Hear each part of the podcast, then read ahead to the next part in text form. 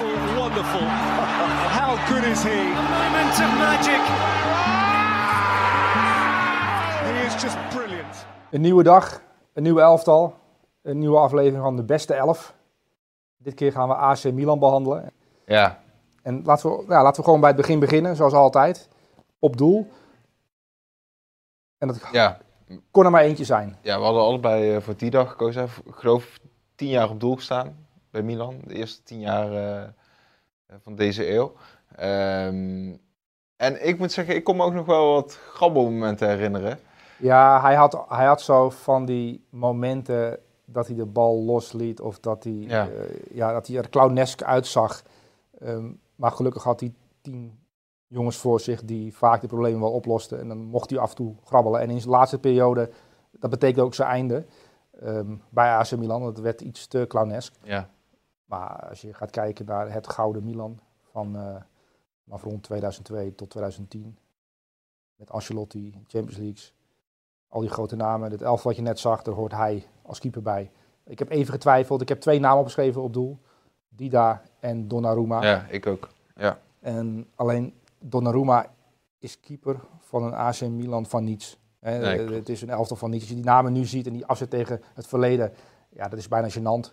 Het elftal waarmee AC Milan nu ten tonele verschijnt, maar ze zijn natuurlijk eh, enorm afgegleden, qua financiën ook. Ze hebben de afslag gemist. En, Donnarumma hoort helemaal niet thuis bij dit AC Milan. Die hoort in de Europese top thuis.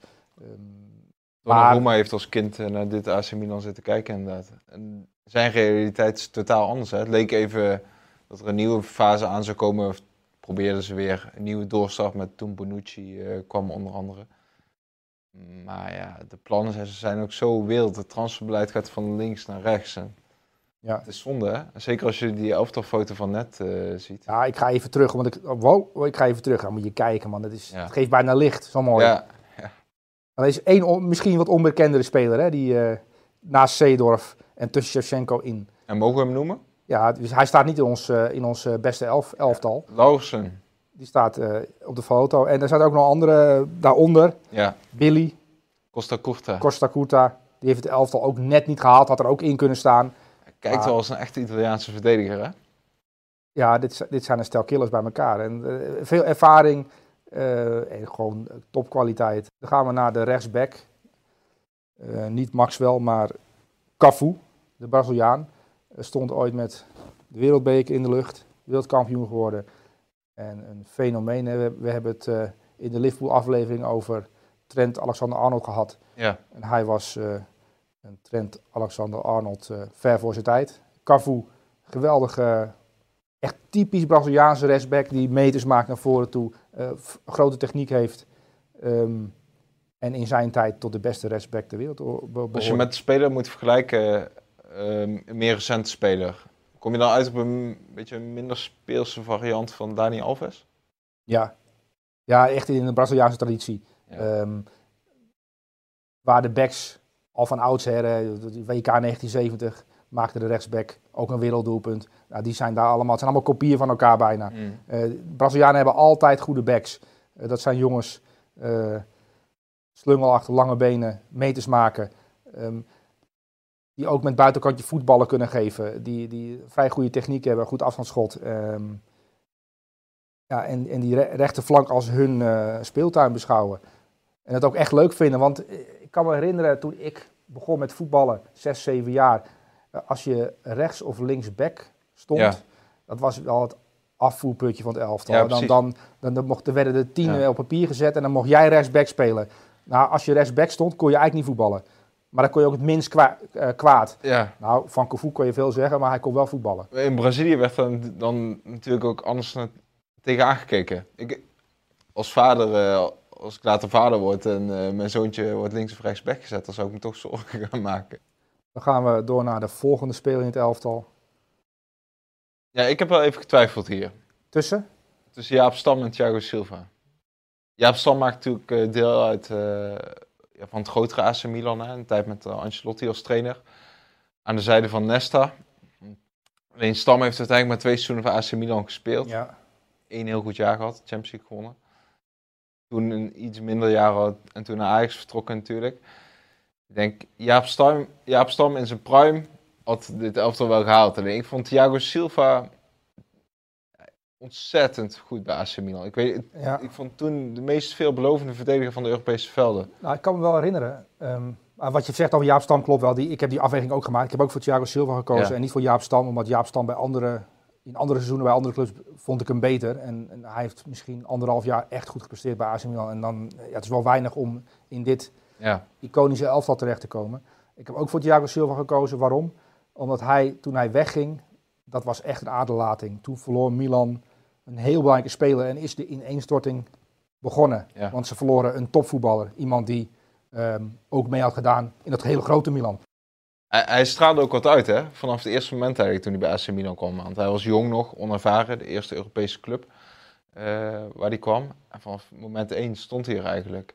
En dat is hij later blijven doen hè, bij PSG. Ploegen met Thiago Silva, hij werd al vrij snel gewoon de aanvoerder, omdat hij, hij dwong dat af. Ja, En zowel aan de bal vond ik hem goed, maar vooral verdedigend hè, in de duels. ja en hij houdt het nu ook. Je ziet ook wel eh, bij Paris Saint-Germain, is nu 34. Ja, eh, er is nu een vraag van, nou ja, hij moet vervangen worden, wie moet er komen.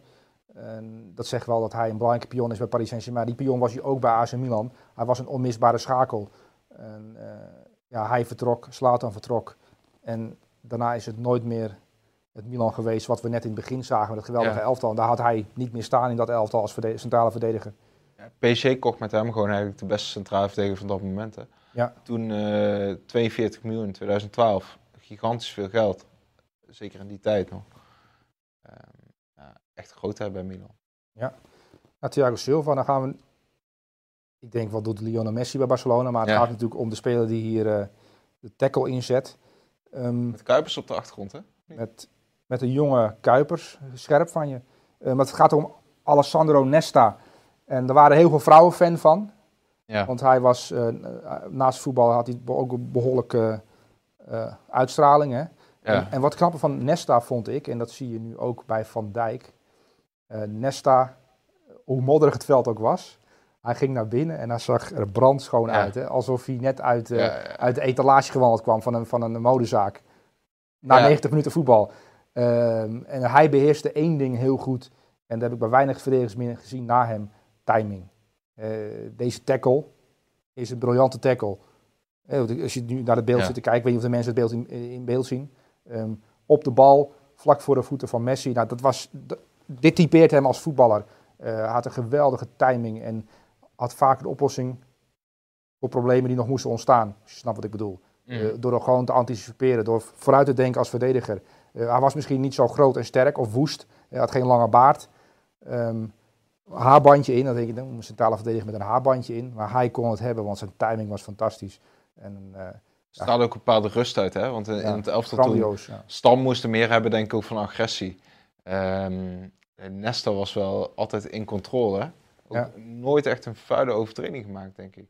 Ja, verdediger in maat pakken. Hè. Wat ik net al zei, Ja, die- die- precies. die- Jaap Stam die die grimmig tijd- kijken en Ja. oh, een wenkbrauw die open lag. Ja, Eh, grimmig doen tegen een spits. ja. bijvoorbeeld eh, Jan Koller of zo. Ehm, ja, dat kon hij niet doen, want dan kijkt Jan Koller om en denkt, wat moet die kleine Ja. Italiaan? Ehm, maar ondertussen ben je kansloos tegen, want hij is je de hele tijd te snel af. Ja, en zeker in die tijd, want je had in de Serie A ook nog wel gemene verdedigers. Hè? Walter Samuel, Materazzi Om natuurlijk. er twee te noemen, ja. Ehm, maar Nesta, ja. En ook wel, ik denk dat om spelers als Nesta, zeg maar, wilden Italiaanse kinderen ook verdediger worden. Zoals dat met Maldini eigenlijk ook geval was. Over Maldini gesproken. Daar zien we hem in beeld. Ehm, met, eh, ja, met een prijs, de Champions League. Maar Paolo Maldini, en, en ja, we weten natuurlijk dat hij een vrij lange carrière heeft gehad. Ja. Maar ik heb het gewoon even opgeschreven, omdat misschien mensen het niet geloven. Als Ja. ik het uit mijn hoofd zeg, dan denken ze, ah, hij- lult uit zijn nek. Carrière bij Milan van 1984. Moest jij nog geboren worden? Ja. Tot 2009. Als je daarbij is- stil gaat staan, jaren ja. 80, jaren 90, tot 2009 een carrière. En hij staat ook nog in dit elftal, terwijl hij in de jaren 80 begonnen is. Dan ben je wel een prof. En het, misschien wel het absolute Milan-icoon, Paolo Maldini. Ja, want ik, ik schreef de elftal uit wat ik in mijn hoofd had. En vervolgens ga je dan nazoeken van, eh, Wanneer zijn ze begonnen? precies. Jij dacht, dit, dit, kan, dit kan niet kloppen. Nee, precies. Dit moet een veteraan zijn geweest bij de eeuwwisseling al. bijna. Alleen die heeft gewoon nog negen seizoenen gespeeld uh, deze en, uh, Ik weet of jij ook de gouden bal uitslagen er nog even bij heeft gepakt. Maar hij staat ook nog in, na 2000 ook nog in de top 3 een keer. Ja. Um, dus ja, het veteraan was het absoluut. Hij was een sleutelspeler uh, ja. bij dit AC Milan. En Paolo Maldini. Ja, als ik een jongetje zou zijn in Italië, dan zou ik Paolo, Paolo Maldini willen zijn. Vanwege de looks, de uitstraling en de kwaliteiten. Want het was zo'n godschuwelijk goede verdediger. Ja, ook weer... Vooral in het pure verdedigen, hè? Nou, ook in het pure verdedigen, maar ook iemand die, die, die... Misschien zag het er niet aan af, maar ook zijn timing was ook zo goed. Hij was clean. Um, ik, vond hem niet, ik vond hem geen uh, speler die vaak opviel met smerige overtreding. Mm. Verre van zelfs. Uh, iemand die gewoon um, ja, vanuit zijn hart echt een verdediger was. Hetzelfde geldt voor, voor Nesta, dat geldt voor Cannavaro. En uh, ook de reden dat ze in 2006 wereldkampioen ja. hebben kunnen worden. Omdat in Italië dat verdedigen ja, nog echt een ambacht is. En dat, dat hangt er niet zomaar bij. Gaan jullie, gaan jullie vier maar verdedigen? Nee, daar begint het bij, bij het verdedigen. Dan gaan jullie maar aanvallen, het is andersom. Mm. Dan laten we verder gaan naar, uh, naar Gattuso. een trainer nu van Napoli en van AC Milan ook, tot voor kort. Um, Gennaro Gattuso. Het was ook het grote Milan van deze eeuw was ook eigenlijk een team vol specialisten. Want je, ja. je had het over verdedigers die echt plezier hadden in het verdedigen. En deze buffelde met, uh, met veel liefde over het middenveld, hè? Ja, ik... Hij deed het vuile werk ja, met plezier, want hem werd ook wel eens gevraagd van ja, heeft Pirlo nou veel te danken aan jou? Hè? Want jij, jij knapt de vuile klusjes op voor uh, Pirlo. Hij zei nou, ik heb vooral veel te danken aan Pirlo dat ik uh, als een goede voetballer mag staan, want zelf kan ik er niet zoveel van. Vergelijk me alsjeblieft niet met hem. En zo werd hij ook een beetje gezien in Milaan als de, als de gifkikker. Hè? Die, die werd gemotiveerd voor die grote wedstrijden. En dan, ja, dan ging hij door het vuur. Ja, maar, eh, eh, ja, we hebben het natuurlijk wel vaker uh, over gehad. Maar je, je kunt ook. Uh, jij hebt gekozen voor Andrea Pirlo en ik niet, bijvoorbeeld in het elftal. Ja. Ik, heb, ik heb gekozen tussen Pirlo of Gattuso als uh, verdedigende middenvelder. En toch heb ik voor Gattuso gekozen om twee redenen. omdat ik Gattuso meer een Milan-icoon vind dan Pirlo. Um, en omdat voetbal niet alleen bestaat uit fijn besnaarde technici, maar ook een jongen als Gennaro Gattuso die zichzelf misschien een klein beetje uh, onderuit praat door te zeggen dat hij er niet veel van kon. Want hij was een vrij aardig voetbal, anders kun je niet mm. mee. Want als je ziet wat je er omheen, omheen staan, die moeten ook wel Gattuso tolereren. Dus hij had wel een functie. En zoals je zei, compleet elftal. Ja, uh, het was niet fijn om uh, in duel te gaan met Gennaro Gattuso, nee. want je wist dat je er gewond uit kon komen. Want... Op, op Milanello lacht ze ook vaak met hem, hè? want hij, hij, hij, sprak niet zo soepel. Dus die regelmatig fouten met woorden en zo. En dan ging ze een beetje zitten dollen. Hij kon dan zo fel worden dat ze de messen echt aan de kant moesten leggen bij de lunch. Want vroeg of laat wist je dat hij iets ging pakken. Piero vertelt ook dat spelers regelmatig geblesseerd raakten omdat hij met een vork op iemand begon in te prikken. en dan werd er maar gesproken naar buiten toe van spierproblemen. En dan was Gattuso gewoon weer Maar dat uh, vind ik ook geweest. wel keurig. Dat zo'n jongen dan ook wel in bescherming wordt genomen. Uh, want je kunt ook zeggen, na drie keer uh, een vorkaanval in de kantine, het is wel genoeg geweest. Maar ja, uh, dat is, dat, dat is temperament. Zal het ook wel nodig, die agressie, denk ik. ja, dat, dat, dat is wel nodig in een elftal. Ja. En hij ging wel regelmatig over de schreef. er zijn veel wedstrijden geweest, ook op Europese avonden, met Nederlandse commentatoren, die dan schande spraken van zijn ja. gedrag. Zoals wij Nijssel de Jong hadden, ja. 2010. Uh, heeft AC Milan al die jaren Gennaro Gattuso gehad, die, die het vuile werk opknapte. En die stichtte de brandjes. Uh, kun je dat beeld nog herinneren met die assistenttrainer van Spurs? Die die bij de keel grijpt. Zeker, kan ik me goed herinneren, ja. ja. Prachtige foto. Nou, dan gaan we naar de volgende. Um, Pirlo, vermoed ik. Ja, uh, ja ik heb ze allebei in mijn elftal. Maar ik heb ook voor Pirlo gekozen, inderdaad. Ja, vanwege de pure voetballer. Pirlo is een speler, denk ik, aan wie je geen hekel uh, kon hebben. Uh, zeker bij Juventus niet, hè, want toen werd het ook een beetje gecultiveerd, zijn imago. Ja, hij was bij AC Milan eigenlijk al dezelfde speler. Hij was ja. op een gegeven moment teruggezet naar een meer verdedigende positie. Ja, want iets aan, inderdaad, ik, ik speel eigenlijk met de ruiter middenveld. Ik heb Cartouche eigenlijk bewust met de punten achter gezet. Omdat Pirlo in zijn tijd bij AC Milan nog wel aanvallender was. Hè. Scoorde ook veel, en niet alleen met vrije trappen. Um, echt een sieraad van een speler. Altijd ja, in controle, hè? het tempo van de wedstrijd bepalen. Ja, Ja, als je hem ziet voetballen en nu beelden ziet op YouTube bijvoorbeeld, dan moet je de pianomuziek onderzetten. Ja, Dat, dat, je krijgt jij wordt er heel rustig Ja. van. ja. Eh Pirlo is een speler waarbij je rustig een boek kunt gaan lezen en, eh, en dan eh, laat je de beelden afspelen. En dan, en dan val je langzaam in slaap. Ja, eh, iemand die in slaap wiegt. ja. Het is, het is inderdaad, ja, daar heb je wel gelijk in. Ja, super middenveld, super compleet ook. Hè? Met Pirlo, Gattuso, natuurlijk eigenlijk twee tegenpolen qua, qua speelstijl. Weet je wat ik bij Pirlo heb? Hij, hij was technisch goed. Eh, De, de bal, hij wist waar die bal heen moest. Maar ik zou wel eens in, in dat hoofd, eh, wat ging er in dat hoofd om?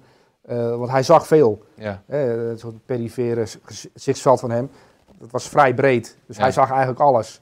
Ehm, wat Busquets nu ook een beetje heeft. Dat had hij Mm. toen ook. En ik zou wel graag in dat hoofd willen zien om die besluitvorming daar mee te maken. zou het druk zijn in zijn hoofd, denk je? Qua beelden en zo. Zou Nou, het tijd vrij druk hebben? zijn. Alleen ik denk wel dat hij precies de juiste dingen eruit haalt. Dit heb ik nodig, dit heb ik nodig. Mm. Want het leek wel alsof hij, eh, dat heb ik wel meer bij zulke, zulke spelers, alsof ze een halve seconde voorlopen op de rest en eigenlijk Mm. meer informatie hebben dan de ander, maar ze zien gewoon meer. Ja, Eh, Iniesta, Xavi, die twee, ja, die, die twa- samen op een middenveld, die zagen ook heel veel.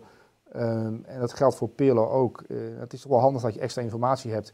Ehm Gattuso zag niet zoveel. Of veel minder dan, dan, dan, dan Pirlo. Ehm, toch heb ik voor Gattuso gekozen, omdat je natuurlijk verschillende soorten kwaliteiten nodig hebt. Maar Pirlo en Gattuso, het is alleen jammer hoe hij eh, vertrok hè, bij Milan. ja. Ja, Dat, eh, het verhaal van de pen eh, vertelde je helaas nog. eh, Ja, ik heb geen idee in welk filmpje het verteld heb, maar het eerste hoofdstuk van zijn biografie begint, eh, gaat over een pen.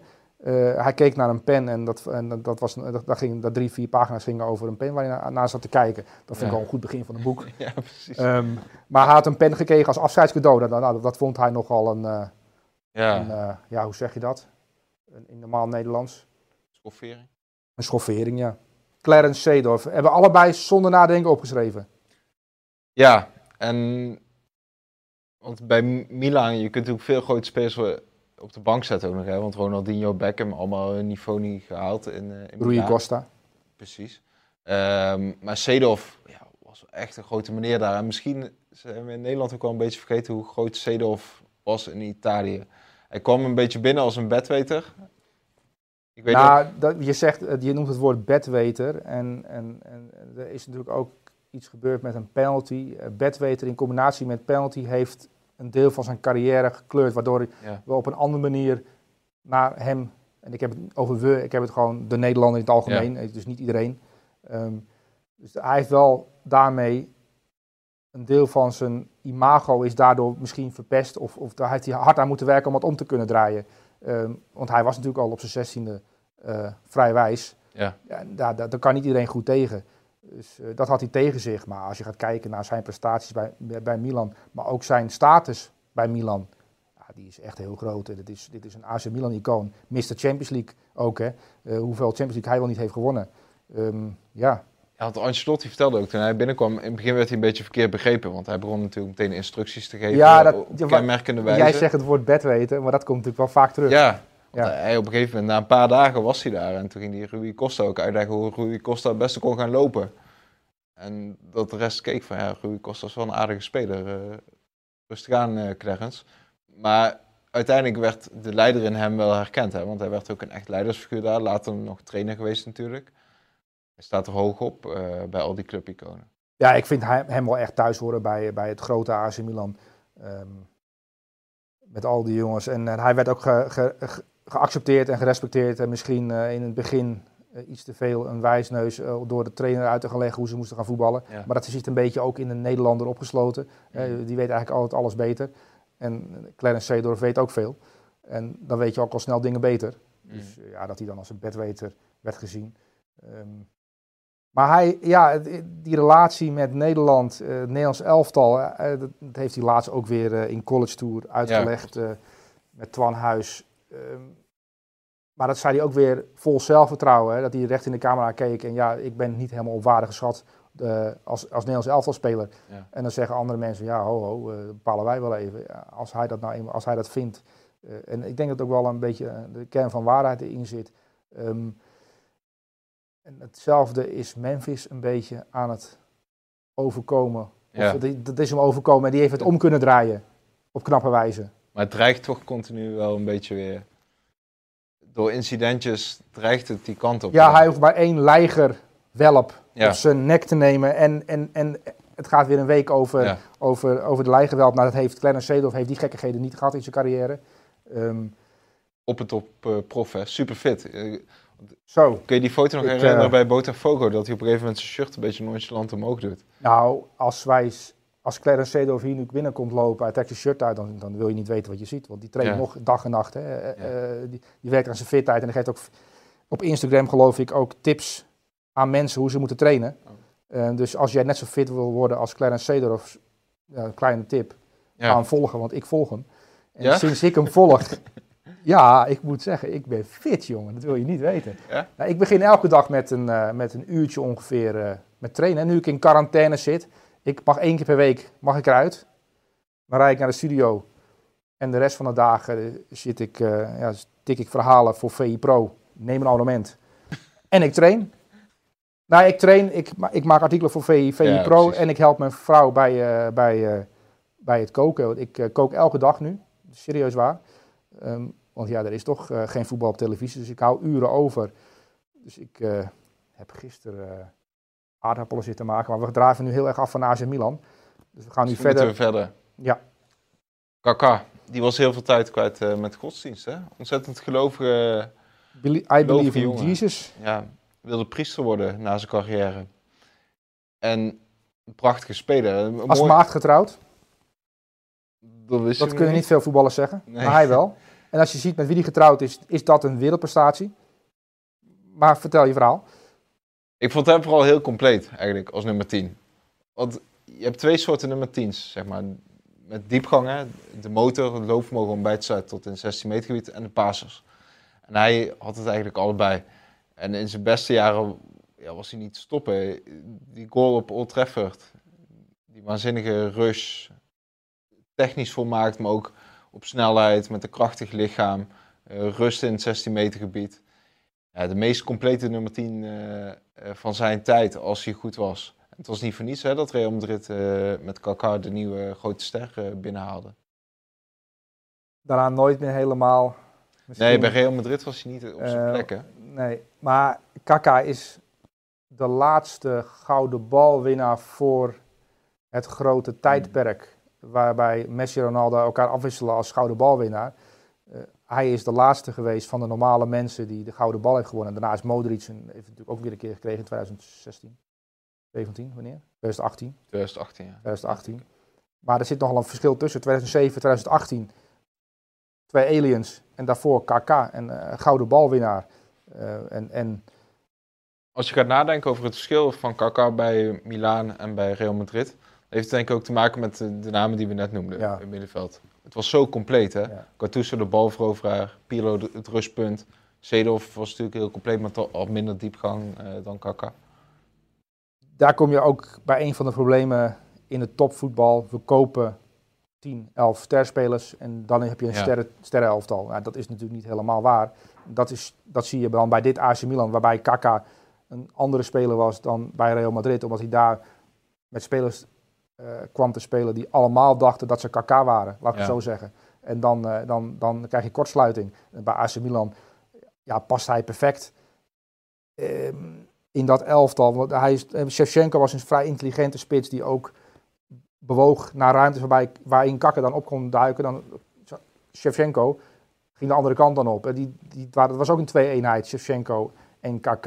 En hetzelfde geldt voor het middenveld, waarbij je inderdaad een bijter had die, als de bal verloren was, dan greep hij in, Gattuso. Ja. Je had ook passes, jongens die nadachten, Seedorf en eh Pirlo bijvoorbeeld, om, om er twee te noemen.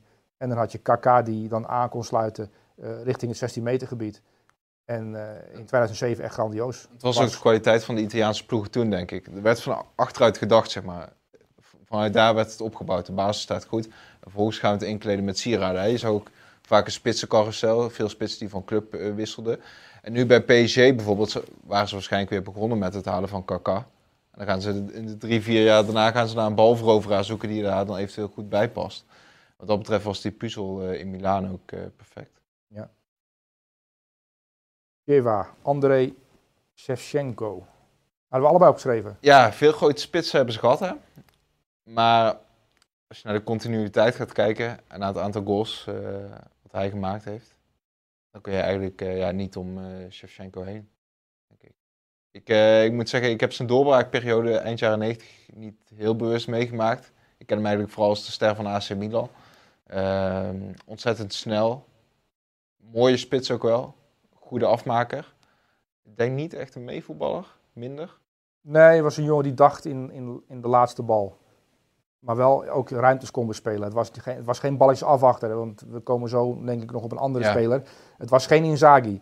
Nee. Uh, het was Shevchenko. En uh, ja, een, een, ja, op met wie kun je die vergelijken als je er nu gaat kijken? Dat is, een, dat is misschien wel leuk om, om, om erover na te denken. Misschien komen we daar zo op. Maar Andrei Shevchenko was, als hij goed was en Milan goed was, onbespeelbaar. Omdat hij omdat hij snelheid had, techniek had. Uh, en in de 16 meter vrij intelligent was in zijn manier van bewegen. Hè, wat Lewandowski bijvoorbeeld ook heel goed heeft. Mm. Uh, nou, dat had, had, hij ook. En Andrei Shevchenko was in zijn, in zijn prime ja, de beste spits. Een van de beste spitsen ter wereld. Is hij niet een beetje vergelijkbaar met... Higuain is natuurlijk minder snel, maar qua type? Ja, misschien wel. En Higuain is wel een paar klassen minder. Ja. Andrei Shevchenko vond ik wel in zijn beste periode behoorde hij wel tot de top 1, top 2. Um, ehm, en, en Higuain heeft Minder nooit behoord, ook, hè? Hij heeft ook nooit behoord tot de twee beste spitsen ter wereld. Higuain behoort niet tot de beste vijf voetballers ter wereld. Geweldige spits, maar... Um, dat was wel knap, hè? Want jarenlang bij AC Milan. En er gebeurde natuurlijk veel hè? met Berlusconi, die ook graag wilde kopen en sterren wilde halen. En Shevchenko hield zijn plek. Eigenlijk net als uh, Inzaghi. En uh, ja, daarom bij Milan, je kunt uit veel grote spelers kiezen. Maar ik heb toch voor uh, Shevchenko en Inzaghi gekozen. Omdat bijvoorbeeld voor Slatan, je hebt Slatan ook nu op. Hè? Zie je hem in beeld hier. Typisch Inzaghi beeld dit. Ja, het, ja, niet weten wat je overkomt juichen hè?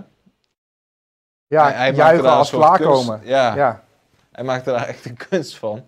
Um, dit is bij de Supercup in 2007. Ja. 2007 eh, in die finale was hij eh, de belangrijke man. Hè? Was al 33, had een matig seizoen achter de rug. Ancelotti kwam de avond voor de finale naar hem toe. Die zei, jij gaat morgen twee keer scoren. En hij, hij werd ontzettend lekker wakker die dag daarna, zei hij. Uh, kon de wereld aan voor zijn gevoel. En de bal, ja, het waren geen twee geweldige acties, maar de bal viel weer twee keer goed uh, voor hem. Hè? Weet je, hij, als hij een wereldgoal maakte, juichte hij zo. Maar als de bal van richting werd veranderd in de muur en hij stond in die muur en die bal ging via zijn buik, eh, rolde langzaam via de paal naar binnen, ja. juichte die ook zo. En dat vind ik schitterend. Dan ben je spits. Dan, dan ben je in de kern echt een spits. Want dan is een, een doelpunt is een doelpunt. Ja. En, uh, ja, hij is wat mij betreft de ultieme nummer 9. Van Nistelrooy is ook een nummer 9. Uh, eh, Ronaldo is een nummer 9. Uh, maar Filippo Inzaghi. Je had vroeger, als je voetbalde, dan had je altijd één iemand, eh, of niet altijd, maar je had regelmatig een jongen die dan slim bij de keeper naast de paal bleef wachten. En als die bal dan daar viel in de counter, eh, de bal binnen tikte. Want je had natuurlijk geen buitenspel, dat bestond niet. Eh, maar die stonden eigenlijk buitenspel op doelpunten te wachten. Nou, dat, als je op het pleintje groot bent geworden, dan tel, dat, dat soort doelpunten tellen niet. Je moet wel ja, precies, op een eerlijke manier scoren. Val, spelen. Maar dat maakte hem niet uit, op een eerlijke manier scoren. Elke manier was een manier om te scoren. En, dan juichte hij zo met uh, zijn mond wijd open, dat kleine toontje zo. En, uh, en extatisch juichen. Want je had het net over Van Nistelrooy. Hè? En zo zijn denk ik heel veel topspitsen die misschien niet het topniveau hadden gehaald op andere posities. Maar die hadden wel gewoon een prima profcarrière gehad. maar hij deed niet meer aan de rondo's. Nee, precies. Hij had dus te weinig techniek ja. om mee te doen met KK, met Seedorf en noem al die namen maar op die we net zagen van dat imposante elftal. Als middenvelder was hij niet goed genoeg geweest voor de Serie C. Nou, serie, serie D misschien. Hè. Hij, kon niet voetballen. Maar dat maakt niet uit. Je bent een nummer 9 en je denkt in doelpunten. En dan moet je scoren. En scoren is, uh, ja, dat, dat is iets wat je wel of niet kan. Die rust. En dat kun je wel aanleren, want het is ook een bepaalde focus. Uh, uh, maar hij had dat van jongs af aan al. doelpunten te maken. Die, die focus om in de 16 op de juiste plek te staan en die bal binnen te tikken. Hoe dan ook. Met welk lichaamsdeel dan ook. En nu komen we bij Slatan ja. uit. Jij ehm, dus opstelt eigenlijk in, plaats van uh, Pirlo. Ja, dus jij hebt gekozen voor Pirlo. Uh, ik heb gekozen voor Slatan. Um, Rivaldo heeft ook bij AC Milan gezeten, maar daar niet zijn beste periode beleefd. Ronaldinho heeft bij AC Milan gezeten, ook niet zijn beste periode beleefd. Maar Slatan vond ik bij Milan, en ik moet zeggen vind, want hij speelt nog steeds. Officieel staat hij onder contract bij AC Milan. Hij is natuurlijk nu teruggekomen. Uh, als een bejaarde versie van, van zijn beste zelf. Maar uh, in zijn beste periode in de Serie A, ook bij AC Milan natuurlijk, een geweldige periode beleefd. En ja, wonder, wonderbaarlijke voetballer. Die, die als je hem afschreef op zijn best was. als je gaat mm. analyseren naar wanneer was hij op zijn best. Als hij werd getriggerd door de buitenwacht of door zijn medespelers of door ploeggenoten of door opmerkingen of de Guardiola. Um, of de Engelsen die zeiden van goh, um, wat komt er nou naar Engeland toe? Of we ja. spelen tegen Zweden. Ja. Er staat iemand in de spits. Nou, daar, daar zeggen ze van over. Bij, dat, is, dat, is, dat schijnt een geweldenaar te zijn. Nou, hij heeft nog nooit gescoord tegen Engelse ploegen. Mm. En wat doe je dan als je dan bent? Dan scoor je vier keer je, tegen Engeland. Met een omhaal van 40 meter. Ja. dat, is, dat, dat, dat kenmerkt hem wel. Iemand die, uh, die een beetje dat, dat wraak als, uh, als, uh, als zuurstof heeft. En nog steeds, hè, teruggekomen naar hoezo ben ik een oude man. En AC Milan toch wel meer, weer een beetje aan het voetbal heeft Ook nu nog, hè? Als en je het veld in komt, je ziet iets gebeuren, hè? Ja. Die, die ballen die gaan naar hem toe. Het is een soort magneet. Die ook, zeg maar, anderen in de schaduw houdt, hè? De druk komt op de schouders van Zlatan. Uh, nou, de mindere goden bij Milan nu ook. Een persoonlijkheid, die moet je wel tegen kunnen. Dan moet je wel tegen bestand zijn. Ja. Want als hij ergens binnenkomt, dan is hij de belangrijkste persoon in die ruimte. En dat geldt natuurlijk ook in een kleedkamer. Um, dat geldt op het veld. Maar als je dan de verhalen... De, hij heeft ook een bepaald imago gecreëerd. Hè? De, de, de leeuw. Uh, De man die uh, sneller herstelt dan mensen. Ja. Uh, dat imago. En met die uitspraken ook. Um, bijvoorbeeld een verslaggever die aan hem vraagt... Um, wat wordt het morgen? En dan zegt hij, uh, dan moet je aan God vragen. En dan zegt die verslaggever, God, ja, maar dat, dat, ik, kan God, ik, ik, kan God niet bellen. En dan zegt Slater, hij staat tegenover je. Weet je al, dat, is natuurlijk, ja, dat je daarop komt op dat moment is leuk. Ja. Um, en het is een beetje vreemde, een vreemde soort, ja. vreemd soort humor. Ik kan het wel enorm waarderen. Uh, maar daarom waardeer ik me ook als voetballer, want het is echt wel uh, een jongen die misschien wel... Uh, hij heeft in een tijdperk gevoetbald waarbij de prijzen altijd naar twee spelers gingen, naar Ronaldo en Messi, waardoor hij nooit een keer uh, beloond is met een, gouden bal bijvoorbeeld, of individueel als beste is verkozen. Want dat, datzelfde geldt voor een aantal andere jongens, Robben bijvoorbeeld, Ribéry, uh, die ook met Bayern München geweldige prestaties hebben geleverd. Maar er waren altijd twee andere idioten van die andere planeten die, uh, die dan die prijzen kregen. En daar, daar heeft hij ook wel mee te maken gehad. Hè, dat hij bij Barcelona terechtkomt en, en samen voetbal met Messi, die op, dan op zijn allerbeste is.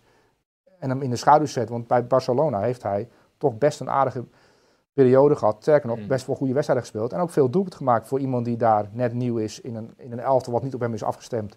Dus, uh...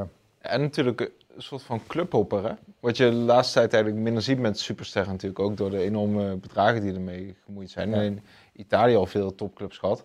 Denk je dat hij dat karakter ook nodig had, zeg maar? Het idee hebben dat je je telkens weer een nieuwe omgeving moet bewijzen? Ja, kijk, je kunt op twee manieren naar voetbal kijken. Totti die bij AS Roma alleen gevoetbald heeft, of Iniesta die Barcelona-icoon is en daar altijd uh, heeft, heeft gespeeld. Als, stel je voor, je bent nu voetballer. Ik zou voetballer worden en ik breek door bij, uh, bij een Nederlandse club. Ja, ik zou ook nog wel graag op verschillende plekken willen voetballen. Hij heeft natuurlijk ook in Amerika gevoetbald, uh, in L.A. Ja, dat zijn mooie avonturen. Zo zou ik heel graag, net zoals de, uh, Rossi heeft gedaan van AS Roma de Rossi. Ja, Boca. Juniors, ook al is dat een beetje mislukt. Maar ik zou dan wel, als ik die macht heb en ik kan zo goed voetballen als Slatan, ja, waarom zou je dan niet uh, bij Manchester United gaan voetballen? Bij Barcelona, bij Juventus, bij Inter, bij AC Milan. Mm -hmm. Het is toch heerlijk mm -hmm. dat je al die clubs uh, op je cv hebt staan. We, komen nu, oh, we zijn nu eigenlijk wel klaar met het elftal. Wil je nog ergens op terugkomen? Ik heb als presentator tot de macht hier. Eh, nee, ja, jouw ploeg is iets aan veranderen, maar ik denk dat we het uh, over het algemeen wel uh, eens zijn. Ja, we hebben één verschil. jij hebt voor Pirlo gekozen en ik voor Gattuso en slaat dan, dan erin. Het is wel treurig dat we ehm, weinig keuze hebben uit de laatste jaren. Nou, dat viel me op. we hebben natuurlijk verschillende elftallen gedaan en, en we, we hebben het elftalfoto gezien in het begin. Daar staan ze bijna allemaal op. Ja. Op twee namen na. Nou, de trainer kon er maar eentje zijn. Ja, ik denk, want het was natuurlijk een krachtige kleedkamer. Veel spelers op leeftijd ook al, veel sterke karakters. Um, en Ancelotti wist er denk ik als geen ander mee om te gaan. Ook met een sterke uh, eigenaar boven hem, met uh, Berlusconi natuurlijk. Het is wel uh, een bijzondere kunst, denk ik, om zo'n ploeg tevreden te houden. Iedereen betrokken houden. de baas niet te veel informatie geven, maar net geven wat nodig is. Ancelotti is daar wel een meester in. Het is natuurlijk een fijne persoonlijkheid. Het is een intelligente man. Um, en hij neemt zichzelf ook niet zo serieus, waardoor je niet zo snel een hekel aan hem kunt krijgen. En als zelfs Slatan jou noemt als de beste trainer die je hebt gehad, uh, hij is een, uh, ik heb hem wel eens een voetbalfluisteraar genoemd. Ja. Um, want hij, hij beheerst dat spel van verschillende, wat Hiddink ook goed kon, dat is in zo'n kleedkamer met alleen maar topsterren. Het zijn allemaal ego's, die moet je wel op een bepaalde manier aan hetzelfde touw laten trekken. Nou, daar was hij heel goed in, door iedereen op een bepaalde manier een goed gevoel te geven.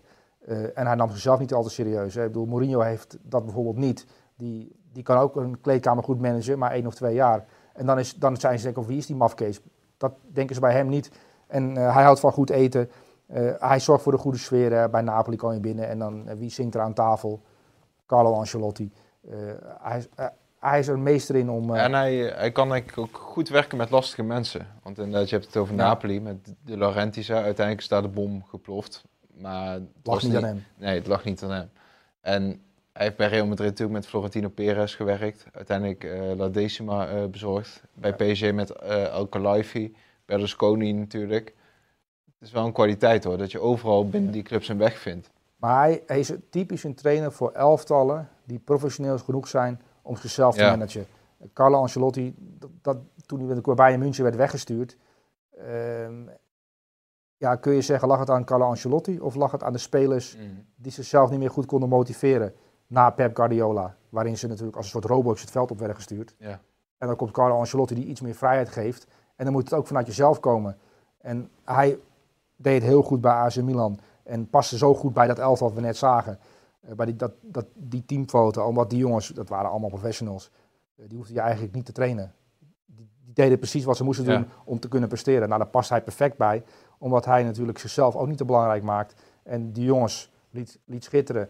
En eh, als er ingegrepen moet worden, dan greep hij, greep, greep hij maar op een stille manier. En zo begint zijn biografie ook. Hè, dat hij naar, uh, naar de Godfather uh, keek. En de stille manier waarop daar Don Corleone ja. daar de boel runt. Ja. Zo runde hij ook elftallen. Fluisterend, ja, vanuit de achtergrond. Maar dat zijn de gevaarlijkste types. Dat zijn de jongens die wel in de gaten hebben en die ingrijpen als het moet. En dan werd er weer iemand geliquideerd. En die, die dreiging straalt hij ook al een beetje uit, hè? Ja, dat hij genadeloos is zoals het nodig is. Je, je, als je deze foto's ziet, dan zie je een knuffelbeer in een man die je kan omhelzen. Maar die ogen, die, die spuwen ook wel een ja. beetje vuur. En dit is, dit is, hij is gevaarlijker dan je denkt, ja. ja. Nou, daar zijn we er helemaal doorheen. Uh, eh, AC Milan, beste 11, 2000, 2020. Bij deze rond ik af. En de volgende aflevering, waar gaat die eigenlijk over? Uh, misschien suggesties? Ik ben wel benieuwd. Ja, ik ben voor Galatasaray. Daar heb ik over na zitten denken en dan kwam ik al op een paar geweldige namen uit. Dus ik pleit voor Galatasaray dat in 2000 natuurlijk de UEFA Cup won. Dat is ook een mooi startpunt. Mm. En uh, Wesley Sneijder heeft er gezeten. Verklap ik alvast één naam. Um, dus de volgende, de volgende club is Galatasaray. En er zijn nog heel veel topclubs over om te doen. Dus die zullen vast aan de beurt komen. Doei! Wonderful, wonderful, wonderful. How good is he? A moment of magic. He is just